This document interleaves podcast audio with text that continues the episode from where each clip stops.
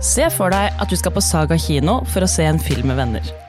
Men på Nationaltheatret T-banestasjon er glippen mellom bane og plattform altfor stor for at du tør å ta sjansen på å kjøre rullestolen din ut av vognen.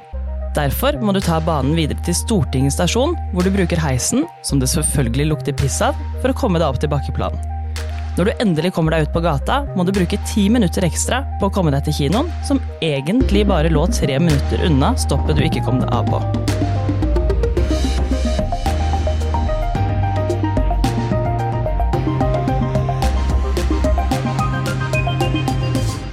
Velkommen til Oslopodden, din ukentlige nyhetspodkast fra lokalavisen Vårt Oslo, som er der du og jeg jobber, Vegard. Ja, velkommen. Jeg heter Oda, og sammen så går vi nærmere inn på én nyhetssak fra bybildet den siste uka. Og det som vi skisserte opp i anslaget i dag, det er hverdagen til veldig mange mennesker. Fordi byen er full av hindringer for funksjonshemmede mennesker, og det er noe man kanskje ikke tenker så mye på når man selv ikke er funksjonshemmet. Nei, når man selv ikke har eh, de plagene, så er det lett å ta for selvfølgelig at det er greit å komme seg rundt. Og det gjør tydeligvis også det nye høyre-venstre-byrådet som styrer byen, som har sørga for å kutte 80 millioner kroner i budsjettene til såkalt universell utforming av byen. Og det er jo litt rart når bystyret vedtok i fjor, i april, en plan om at Oslo skal være universelt utformet for alle innbyggere innen 2030. Så det er jo faktisk bare seks-syv år til. Og det at det skal være universelt utformet for alle, betyr jo at det skal være enkelt å orientere seg og bevege seg rundt om i byen for så mange som mulig. Det handler om å inkludere og ivareta befolkningens variasjon i funksjonsevne, sånn at flest mulig kan delta aktivt i samfunnet. Fordi hvis, du, hvis du blir hindret fra å bevege deg, så får du ikke deltatt på samme måte som alle andre. Og det kan jo være forskjellige ting, for eksempel så kan det være lederlinjer for blinde. Det kan være lyd på trafikklys, det kan være sånn som vi også skisserte opp i anslaget her, at det skal være enkelt å reise rundt med kollektivtrafikken. Eller sånn som jeg så da jeg var frivillig på Øyafestivalen for et par år siden, at man har egne plattformer for de som f.eks. sitter i rullestol og vil se konserten. Fordi hvis du er Du kommer deg jo ikke så lett rundt med en rullestol inni folkemengden der på gress og alt mulig. Så det er mange ulike ting som man kan gjøre for at folk da alle skal kunne enkelt delta i byen og komme seg rundt. Ja, vi snakker jo om å legge til rette for det som omtales som Norges største minoritet, men også en minoritet som er eh, diskriminert i eh, arbeidslivet og f.eks. også i skolen, hvor eh, personer som har funksjonshemning ofte opplever mobbing. Men også rundt i byen vår, i Oslo, så opplever jo folk med funksjonshemning at det er vanskelig å komme seg rundt. Eh, sånn at eh, vi i Vårt Oslo har jo bl.a. skrevet om hvordan eh, Bymiljøetaten har dumpet all snøen på HC-plasser, parkeringsplasser for funksjonshemmede. Eller hvordan Utdanningsetaten fikk en bot nylig for å ikke ha lagt til rette for personer med synshemning. Eller for den saks skyld når rådhuset mangler markering opp rådhustrappene, sånn at folk eh, som, eh, som, har vanskelig for å komme seg opp der, eh, ikke finner veien frem. Det er det samme som å signalisere at dere er ikke velkomne, som, som noen kommenterte. Og det er jo ikke særlig hyggelig for storstua i Oslo. Nei, nei, ikke i det hele tatt. Så det er mye som kan gjøres bedre her i byen. Da, og Det er derfor det er uh, synd, når de har en plan om universell utforming innen 2030, at de nå kutter 80 millioner i budsjettet. Ja, det er et markant kutt. Man burde ja. jo heller gjøre det helt motsatte. Heller trappe opp og, og satt på større bevilgninger, sånn at uh, det legges til rette. Og det har jo også vært andre eh, klager eh, som går på f.eks. det med såkalte TT-turer, altså at man kommer seg rundt på fritidstilbud Eh, når man har en funksjonshemning. Men vi har fått med oss en gjest her i dag, nemlig Magnhild Sørbotn, som er nestleder i eh, Handikapforbundet, til å snakke om hvordan det er å være funksjonshemmet i byen vår. Eh, og jeg lurer på, fordi du har vært kritisk til disse kuttene fra byrådet når det gjelder universell utforming av byen.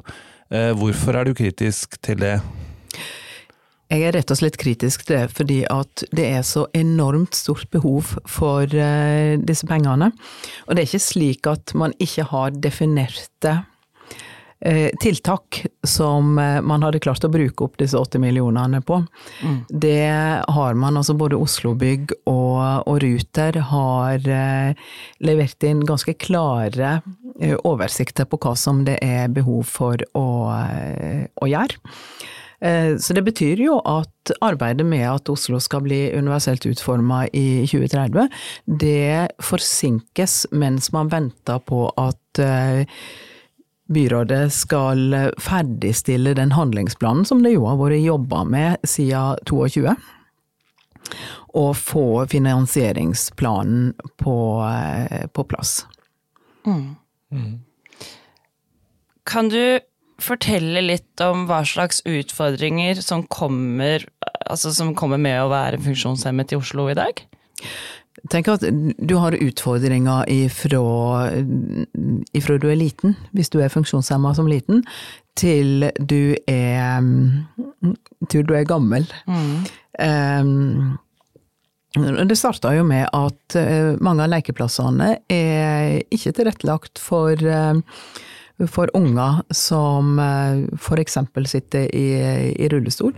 Nye Kirsebærlunden som ble ferdigstilt eh, for et eh, år siden, som et sånn prakteksemplar på en på en lekeplass er ekskluderende. På hvilken for, måte da? Du har Altså, det som i det momentet du kommer inn på den, så ønsker den deg velkommen med, med brustein. Ja. Brustein er veldig vanskelig å, å, trille på, og for mange så blir det òg smertefullt å passere med en rullestol i, på, på, brustein. Ja, ikke sant. Eh, den har leiker som er basert på at du skal være du skal være gående, eh, og hvis du da ikke er det, så, så er det vanskelig å delta i veldig mye av, av leiken. Mm rett og slett. Og så har jo noen sagt at ehm, ja, men man kan, kan dra til andre lekeplasser som, som, er lettere tilgjengelig. Men hvis du bor der, mm. det er jo ingen som ville sagt at barn med muslimsk eller jødisk herkomst eller jenter eh, kan henvises til en annen lekeplass i, i, i området. Um, det ville vært et ramaskrik men, eh, men ja, noen tenker at det er greit for, eh, for eh, funksjonshemma. Så har du en skole som mangler universell utforming. Vi vet at på fysisk funksjonshemma så er det altså de seneste landsoversiktene viser at det er 64% av fysisk funksjonshemma som aldri fullfører videregående skole. Oi. Det er et ganske det er et sånt hakeslepptall, rett og slett. Ja, det er høyt. Fordi tallet ligger på ja, Samtidig som man hadde tallet på 64 for fysisk funksjonshemma, så lå det på 17% for, for befolkninga totalt mm. sett. Så det er mange plasser du ikke kommer inn fordi mm. det er trapp eller du må gå lange omveier, som dere skisserte i, i innledninga. Du har kollektivtrafikken, som jo virkelig som jeg tenker at I utgangspunktet så skal man i Oslo være stolt av den kollektivtrafikken man har. Det er en nervebane som sørger for at man kan delta overalt i, i byen. Men for mange funksjonshemmede, og med ulike funksjonshemmede, så, så er kollektivtrafikken vanskelig. Du må planlegge veldig mye, fordi mm. du må mm. vite hvordan er det akkurat der du skal av og på, for du skal jo gjerne, du skal jo gjerne både på T-banen eller trikken eller hva det nå er, ja. og du skal av. Ja, det er en fordel. Ja. Og så er de nye trikkene er kjempebra. Mm. Eh, holdeplassene er, mangler det fortsatt en, eh, en del på. Eh, du har arbeidslivet, du har eh, der mange møter diskriminering, rett og slett. Mm. Fordi folk noen arbeidsgivere blir litt sånn redde og tilbakeholdne. Mm. Og så tenker de det er litt skummelt med folk som har med seg sin egen stol. Det er mye enklere hvis jeg kjøper en stol som de kan sitte på. Mm. Um, og um, så blir man Etter hvert så blir man eldre, og Oslo har jo vedtatt at Oslo skal være en aldersvennlig by. Mange av de tinga som vi snakker om i universell utforming, er kjempeviktig også for at uh, Oslo skal være en, um, en aldersvennlig um, by. Så vi har et Og vi har, vi har det, det, er mange hindringer som jeg ikke har, ikke har snakka om her, altså. Mm. Ja, du, du, har jo selv også vansker for å gå, eh, Magnhild.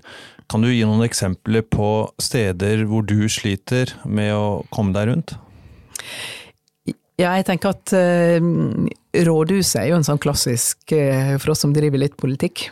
Mm. Um, skal jeg inn uh, i Borggården og opp til, til Rådhushallen eksempel, så så har jo hvis jeg kommer med taxi og manuell stol, så har de i utgangspunktet ikke lov til å kjøre inn på, eh, på plassen. Paradokset er jo at rullestolrampene som folk i rullestol skal trille på, de begynner jo helt opp på høgde med, med fontener. Mm. Så den lange bakken opp, um, og jeg har i alle fall ikke armfunksjon nok til å kunne trille opp med en manuell um, stol. Nei, Og jeg syns det er litt risky å trille ned igjen òg, mm. i ja, alle fall på glatta. Ja, ja, det skjønner jeg godt. Um, og så kan jeg, hvis jeg velger den elektriske rullestolen, så kan jeg fint trille opp. Problemet er at eh, heisene i rådhuset er så små og trange at da sliter jeg med å komme meg opp, hvis jeg da ikke velger å få litt hjelp til å gå gjennom kjøkkenet eller noe sånt. Mm. for å eh, så byen er jo full av, eh, mm. av sånne, sånne, plasser der det er vanskelig å komme inn. Ja. Eh, hvis jeg triller nedover Ullevålsveien eksempel og tenker at jeg har lyst til å handle i noen av disse små, kule butikkene, kom ikke deg inn med en rullestol på, med ett eller to trappetrinn, altså. Nei, nei, og det er mm. så mange av de butikkene også som ligger der som er en liten terskel for å komme seg opp ett eller to trappetrinn, ja. som det du sier. Men så tenker jeg også på det du sa nå om å måtte få hjelp av andre. Det handler jo om det også, at man gjerne vil klare seg selv og ikke være avhengig av å få mm. den hjelpen av venner eller fremmede, eller for den saks skyld, da. Men det også går jo kanskje litt på verdigheten av og til, jeg vet ikke, eller mm. Jeg tror, jeg tror det å være sjølhjelpen, ja. det, det, ligger ganske det ligger ganske grunnleggende hos oss. Altså, du kan tenke på små unger. Mm. Hvor opptatt av det å sånn Skal gjøre det sjøl. Ja. Nei, skal gjøre det sjøl. Ja. Uh, og jeg tror de fleste av oss syns at det, er hyggelig at noen holder opp døra uh, for oss og sånt, men, men det gjør noe med deg når du hele tida må be om hjelp, eller vente på at noen kommer og tilbyr seg hjelp. Mm. Um, og så er det også viktig at folk som gjerne vil hjelpe, spør om folk vil ha, uh, ha hjelp. For uh, alle, vil ikke, alle vil ikke det. Um, men den der Det ligger mye frihet i det å klare seg sjøl uten å um, uten å motta, uh, motta, hjelp. Jeg tenker at ganske mange som eh, begynner å bli veldig gamle og litt skrantne og sånt, de vil òg tenke at det å kunne, det å kunne klare seg sjøl, mm. det ligger det Det ligger frihet, det ligger verdighet ja. i det. Ja. Mm. Er det, er det, det å reise med T-banen, er det det største, eller med, med, kollektivtransporten, er det det største problemet for funksjonshemmede i Oslo i dag? Jeg tror at det kommer veldig an på hvem du, hvem du spør. Eh, det, det, gjør det noe. Altså jeg, for meg så har det å reise med buss, det har vært en sånn stress, eh, stressgreie. Eh, noe av det mest kjipe er jo egentlig hvis du skal reise med flybussen eller med en av ekspressbussene. Altså, mm. Når du innimellom er på vei til å reise ut av Oslo. Mm. For der må du forhåndsbestille. 24 timer, eller kanskje litt det? mer i, i, forkant. Det er jo ingen andre som må forhåndsbestille. Nei. Men skal du reise med rullestol, så må du forhåndsbestille. Det kan kanskje fungere når du skal til Gardermoen. Men det er jo innmari vanskelig å forhåndsbestille til akkurat en, en um, avgang med flybussen hvis du kom, landa på Gardermoen, du veit jo aldri om flyet ditt lander på tid. Nei, eller hvor lenge du må vente på bagasjen. Ja. Yes. Så det blir et ekstra eh, så- sånn tiltak og stressmoment, det skjønner jeg kjempegodt. Ja, det blir, det blir det. Så det jeg tenker at når jeg skal Litt sånn typisk, når jeg visste at jeg skulle hit, eh, så måtte jeg sjekke. Og nå er vi vel å merke i Pressens hus i Oslo sentrum, i Skippergata. Ja. Så, så sjekker, og det er helt sånn på automatikk hos meg. Jeg sjekker eh, Ruter-appen Ja. for å sjekke hvordan, eh, hvordan kommer jeg meg eh, dit. Og dette er jo så sentralt at egentlig så hadde jeg ikke eh, hatt behov for det. Men, men jeg har jo opplevd at jeg har skulle hatt en tur rundt i Oslo, og så har jeg sjekka Ruter-appen, og så tenker jeg ja, men da også kan jeg trille ned den veien der, bare for å finne ut at den veien der er et av disse her legendariske, lange, høye trappene i, i, i Oslo by. Ja. Da må jeg jakte på alternativer. Så jeg tenker at eh, skal, det er litt sånn, skal man ansette noen som er vant til å til, til å finne raske alternativ og, og være kreativ på å finne løsninger, eh, så bør man ansette en funkis, altså. For der er det mye folk som har, eh, har måttet være kreativ og, og tenke nytt. Mm. Ja, ja, absolutt. Jeg har også hørt at eh, i skolen så kan det være en del hindringer for elever som sliter med å komme seg inn og ut av skolen, klasserom og sånne ting. Kan du si litt om det? Ja, det, det kan jeg. Altså, man Altså, tallet er noen kjedelige greier, egentlig, men i 20, 2016 så ble Oslo-skolen, altså Oslo sine grunnskoler, eh, kartlagt med hensyn på å finne ut hvor eh, hvor mye var det som skulle til for at eh, skolene skulle bli tilgjengelige for, for alle? Og da endte man opp med å finne ut at etterslepet var på nesten 800 millioner, og godt over 23 000 små og store eh, tiltak. Og da er det klart at når du passerer 23 000 tiltak, så har du av de ganske mange tiltak som egentlig er ganske, ganske små. Men det, men det er noe med det å hvis du ikke kommer inn i de samme klasserommene, ikke kan delta på samme måte som, som andre, så lærer du noe om utenforskap. Og jeg tenker at utenforskap, å påføre folk utenforskap, eh, og å påføre folk litt sånn ja, vi har gitt deg opp, Mm. det er noe av det verste du kan, kan gjøre med, med folk. Og så tenker jeg de elevene som opplever at de ikke kommer inn, at de kanskje må gå på en annen skole, de opplever at de ikke kommer inn på datarom eller på biblioteket eller hva det nå skal være, de lærer noe om at de ikke er like viktige som de andre. Eh, Men de andre elevene, som ikke er funksjonshemma, de lærer også noe om at Per i rullestol og Kari med mobilitetsstokk og som er blind, mm. det er ikke så nøye Og om ikke er de ikke er nettopp med. det. Mm. Men tror du mange føler på det at vi har gitt deg opp, sånn som du sa?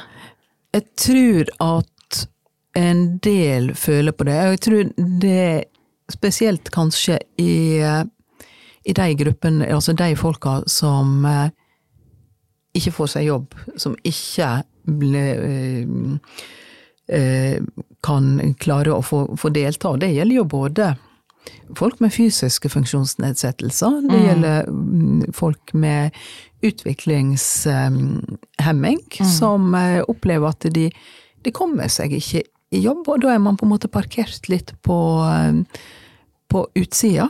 Um, og så er det jo organisasjoner som gjør spesielt for mennesker med utviklingshemming, som gjør en kjempejobb for å få flere utviklingshemma med i ordinært arbeidsliv. Og det er jo noe som jeg heier veldig på. Du nevnte det at du, eh, hvis man skulle planlegge byen, så burde man ansette en funkis. Hvordan eh, opplever du å bli møtt av de som styrer denne byen?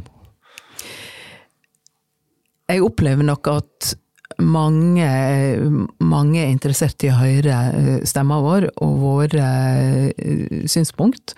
Og så tenker jeg jo at eh, organisasjonene for funksjonshemma i Oslo har vært veldig på i ganske mange år, sånn at man, i alle fall min rolle i, i Samarbeidsforumet for funksjonshemmas organisasjoner, og tidligere i Handikapforbundet i Oslo, opplever at vi blei tatt på i utgangspunktet tatt på alvor. Så er det noe med det å følge opp det man har av gode hensikter. Det å følge opp sånn som denne strategien for universell utforming som ble vedtatt i fjor, og gjøre det som skal til. Og så tror jeg av og til at det, det, er, ikke, det er ikke vondt vilje, men det er mangel på innsikt i hvordan situasjonen er, og hva som trengs, mm. som, eh, som, mangler. Så tror jeg også at man av og til tror at universell utforming som egentlig handler om å gjøre ting tilgjengelig og brukbart for, for alle, at det er en spesialsak for noen få. Mm. Men det ene er at det som er helt nødvendig for noen på universell utforming, det er kjempenyttig for alle. Jeg tenker at hvis, hvis du har trinnfri adkomst til, T-banen, og du kan trille rett inn, du har ikke noe gap, du har ikke noe høydeforskjell, så er det kjempenyttig for oss som triller i rullestol. Det er nyttig for folk som er blinde, som mm. skal inn. Men det er også nyttig for folk som kommer med barnevogner, folk som kommer med en tung koffert. Mm. Og han som går med nesa ned i mobilen og mm. egentlig har fullt fokus på det, ja. og som har lett for å snuble i den der uh, gapen. Han slipper også det. Ja, eller de med små barn ja. som leier, som ja. mm. man alltid skal være forsiktig med. Vi har jo hatt situasjoner, det begynner jo å bli noen år siden, der barn har ramla nedi mellom, mm. Eh, mellom gapen på T-banen. Men hvordan syns du utviklingen har vært de siste årene her i Oslo, da? Hva, hva er de største fremskrittene? Jeg tenker at um, det å få en enda tydeligere eh, strategi for universell utforming er viktig. Det at man har bevilga ekstra midler til, eh, til universell utforming, de, eh, og jeg vet dette er særdeles sterkt påtrykk fra Handikapforbundet, mm. men, men, Rødt forhandla jo fram dette i, i flere år i, med det rød-grønne byrådet det har gjort det mulig å, um, å faktisk få gjort ganske mye mer. Mm. Så opplever vi at tidligere undervisningsbygg, Oslobygg, har veldig sterkt fokus på universell utforming av skolen. Det er kjempebra. Vi opplever at Ruter og, og Sporveien har endra seg og også har et veldig sterkt fokus, men ting må jo også, eh, også finansieres. Mm. Um, vi opplever at um, Utdanningsetaten har satt sterkt fokus på um, på spesialundervisninga, som jo er ganske mangelfull rundt omkring. Mm. For det er jo ingen Det er ingen kommuner i landet som sender så mange på spesialskole. Nei som det Oslo eh, gjør, eh, også forholdsvis. Og det betyr jo at det er mange elever i, i byen som eh, som går på en skole en annen plass enn der kameratene, vennene fra nærmiljøet er. Mm. Og så er det for noen ja, er det, så er dette viktig. Er det bra eller dårlig, tenker du? Ja, jeg, det er litt sånn det er både, altså Vi ønsker jo, og, det er jo det er nedfelt eh, i, i lovverket òg, altså at det er nærskolen, det er der folk skal ha en mulighet til å gå. Og så mm. ser man jo da at enkelte ganger, ikke så rent få ganger, så, eh, så klarer ikke skolen å tilby det undervisningsopplegget som eleven trenger. Mm. Og for oss i organisasjonene så har det jo vært slik at det er viktig at eleven og foreldra har et reelt valg. I dag er det nok sånn at mange føler seg tvungen til å søke om spesialundervisning, eller en spesialskole, for, eh, for barnet sitt, fordi nærskolen svikter. Men det er også noen som, eh, som da gjør det fordi eh, nærskolen ikke er tilgjengelig nok. Mm, så jeg tenker at skal man ha et inkluderende samfunn der flest mulig deltar i arbeids- og samfunnsliv, så er det å ha en fullt ut inkluderende skole der, folk, der elevene også lærer at eh, vi er forskjellige som elever, vi er forskjellige som mennesker, men Ja. eh, verdien vår er den samme. Ja. Men til de som kanskje ikke tenker så mye på dette her, eh, altså sånn de fysiske fremskrittene eller de fysiske utviklingene i byen da, de siste årene, er det, noen sånne, er det noen ting man kan se, hvis man er litt mer eh, fokusert på det, som har skjedd i de siste ti årene? Ja, det er det. Altså det, det er ting som har skjedd de siste ti åra som, eh, som egentlig du tenker at det er ikke mulig. Og så er det ting som, som er veldig bra. Jeg nevnte i stad den nye trikken, som er veldig, veldig bra. Så så snart de da får eh, gjort noe med alle holdeplassene, så, så er den kjempebra både for synshemma og for bevegelseshemma og for folk som reiser med koffert og barnevogn Ja, ja. Og, og hva det er. Jeg har jo eh, Jeg har jo et eksempel på ting som Eller vi har flere eksempel på, på ting som har vært katastrofalt dårlig, som nå er veldig, veldig bra. Få høre. Um, det skal være veldig konkret eh, Brynseng eh, T-banestasjon. I 20 2010-2011 eller noe sånt, så um, skulle jeg på noe møte på Brynseng. Og så tenker jeg det er en stasjon som jeg ikke kan huske å ha vært på, jeg må ringe. Så jeg ringte til eh, Ruter og Sporveien og spurte om eh, hvordan er den med rullestol. Ja, vi skal sette det over til noen som kan det. Og så fikk jeg snakke med, med vakta, som sier at du, den er kjempefin, det er helt flatt, og så er det heis opp. Ja. Og så tenker jeg at ja, men strålende. Så når um, Brynseng er neste, så triller jeg fram til døra, trykker på knappen, venter på at døra går opp, og ser at jo, det er flatt ned på bakken, men um, det er en eller annen plass mellom 17 og 20 cm ned til den bakken. I høydeforskjell I fra høydeforskjell. banen. Og det er mye. Og, og det er mye, oh. sjøl med en eh, rullestol med kraftige hjul. Ja. Så jeg tenker ok, jeg må på det møtet. Dette må bare Går det, så går det. Går det ikke, så går jeg på trynet. ja, for da hadde du elektrisk rullestol. Da hadde jeg elektrisk rullestol. Ja. Og jeg konstaterer jo at folk som har gått av lenger bak, de stopper fordi at de tenkte at skal vi, skal vi komme til å hjelpe, eller skal vi løfte, eller hva skal vi gjøre? Man løfter ikke på en rullestol på 190 kilo. Um, uh, jeg kom meg av. Den plattforma der er nå rehabilitert, så nå kommer du av trinnfritt. Du kan trille rett ut. Det er kanskje en centimeter eller to i, i høydeforskjell. Men du, du kom deg av, men, men det var vel ikke helt uten frykt, kanskje?